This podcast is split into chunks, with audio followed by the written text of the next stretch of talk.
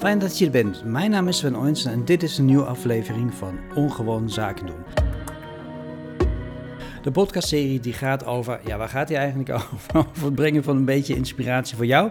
Want ben je ondernemer of marketeer of misschien wel creative, kan het toch wel heel erg fijn zijn om af en toe naar buiten te kijken. Of in dit geval naar buiten te luisteren en te kijken van wat is er eigenlijk nog meer? Wat zijn er andere gedachten die mij weer kunnen inspireren om zaken te doen zoals ik dat graag zou willen.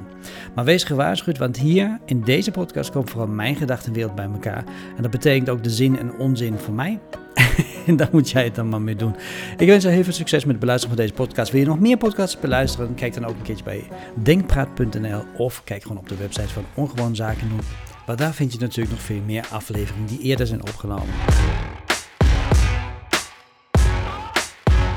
Maar laten we meteen gaan beginnen, want ik zit hier vandaag gewoon hier aan mijn keukentafel en ik kijk om me heen en ik heb uh, net uh, uit de brievenbus alle reclamefolders gehaald die vanochtend hier zijn binnengevallen. Ik werd echt uh, wakker met een kopje koffie en toen hoorde ik ineens de brievenbus klepperen. En toen dacht ik inderdaad van ik ga even naartoe lopen kijken wat erin zit. En inderdaad, wat zie ik vandaag? Gewoon heel simpel, ik zie echt een hele berg reclamefolders doet me ook meteen denken aan het najaar, want ja, het wordt weer wat donkerder buiten, het gaat weer regenen. We gaan weer richting, heel langzaam, heel langzaam, richting de donkere dagen.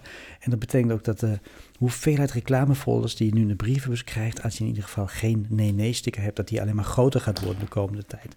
Want alle bedrijven die gaan zich nu langzaam voorbereiden op de eindejaarssprint.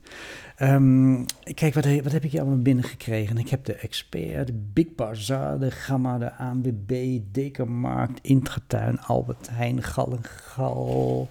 Zie ik hier nog mee, meer? Wat is dit nou? Oh ja, ook nog in een woonwinkel. Ga ik die ook maar meteen noemen? Hebben we dat ook maar gehad? Wat is het? Uh, babab.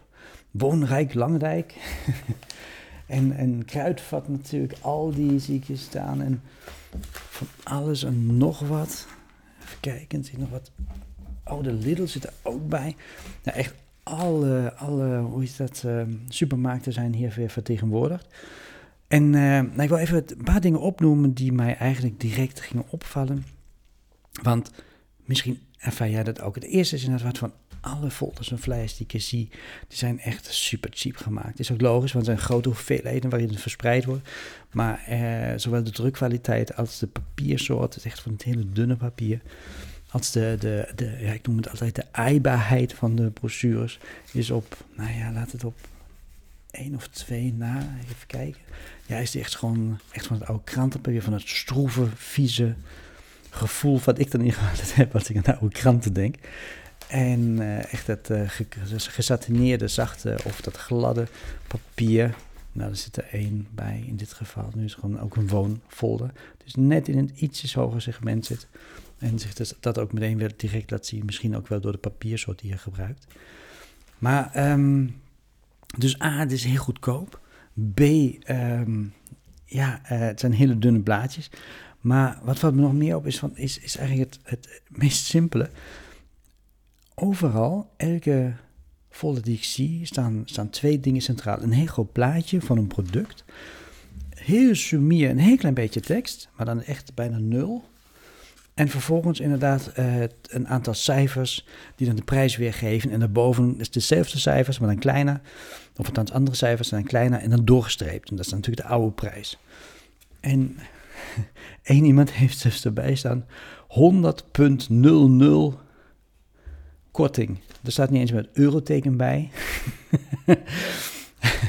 100 procent, 100 wat, 100 ballen, nou ja, 100 korting. Iemand vindt het niet eens meer nodig om...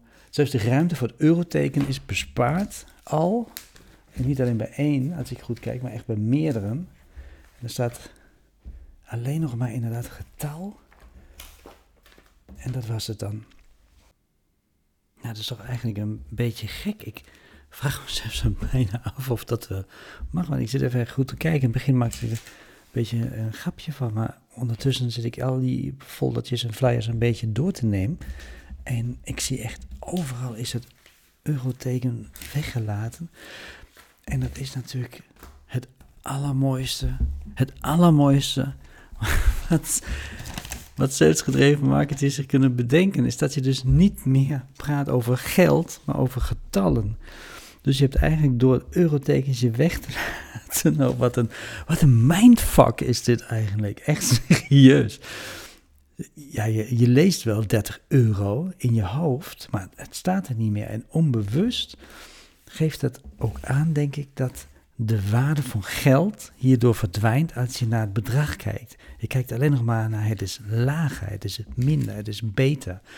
En dat betekent dat ja, deze bedrijven sturen natuurlijk sowieso alleen op, uh, op, op, uh, op korting en op geld. Hè. Dat ook proberen zoveel mogelijk mensen naar hun winkel uh, deze week te krijgen, want het zijn weekaanbiedingen.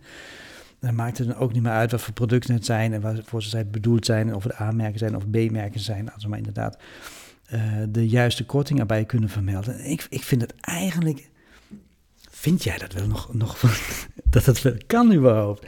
Dat je gewoon kan aangeven van het is inderdaad uh, eh, 100.00 of 7.99 en dat je niet meer aangeeft dat het gaat om euro's, dat het gewoon om geld gaat. Dus dat het een waarde heeft wat er staat en ook een waarde heeft wat je moet gaan betalen. Dat dus alleen nog maar hier gaat over het getal wat je moet aftikken. Misschien is dat wel de juiste benoeming in dit geval. Ik denk dat het een beetje een, eigenlijk een, een mindfuck, is, het, mindfuck is die gecreëerd wordt inderdaad in het hoofd van de consument. Dat hij dus bij het bekijken daarvan niet eens meer denkt van, oh, ik raak nu, als ik het koop, waarde kwijt vanuit mijn bankrekening of in mijn letterlijk biljetten in mijn portemonnee. Maar zelfs die zijn al geanonimiseerd tot getallen. En uh, ik, ik weet vroeger in uh, wiskunde dat uh, mijn leraren echt altijd daarop hamerden bij mij van... Ja, leuk Sven dat je dit antwoord 4 aangeeft bij deze som. Maar wat dan? vier appels, vier peren? nee, in dit geval dus, in die folders moet dat dus echt, vind ik, staan 4 euro's.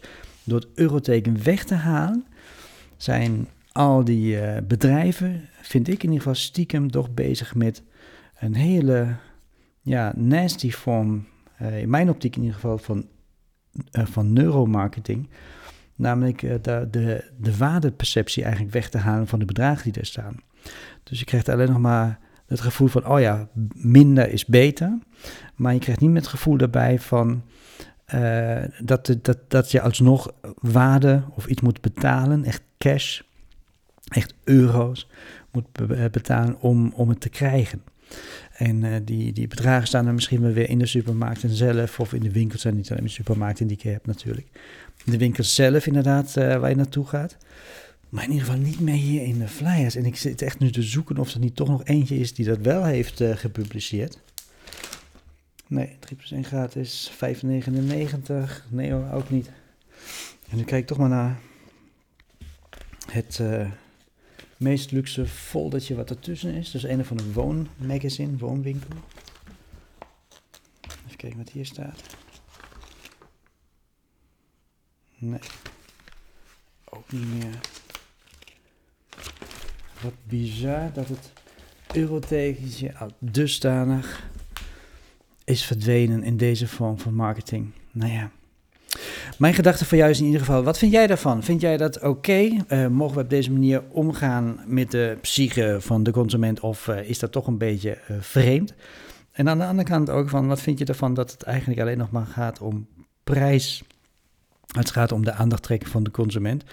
Want vroeger leerden we als marketeers inderdaad dat het ook nog misschien gaat over het toevoegen van toegevoegde waarde.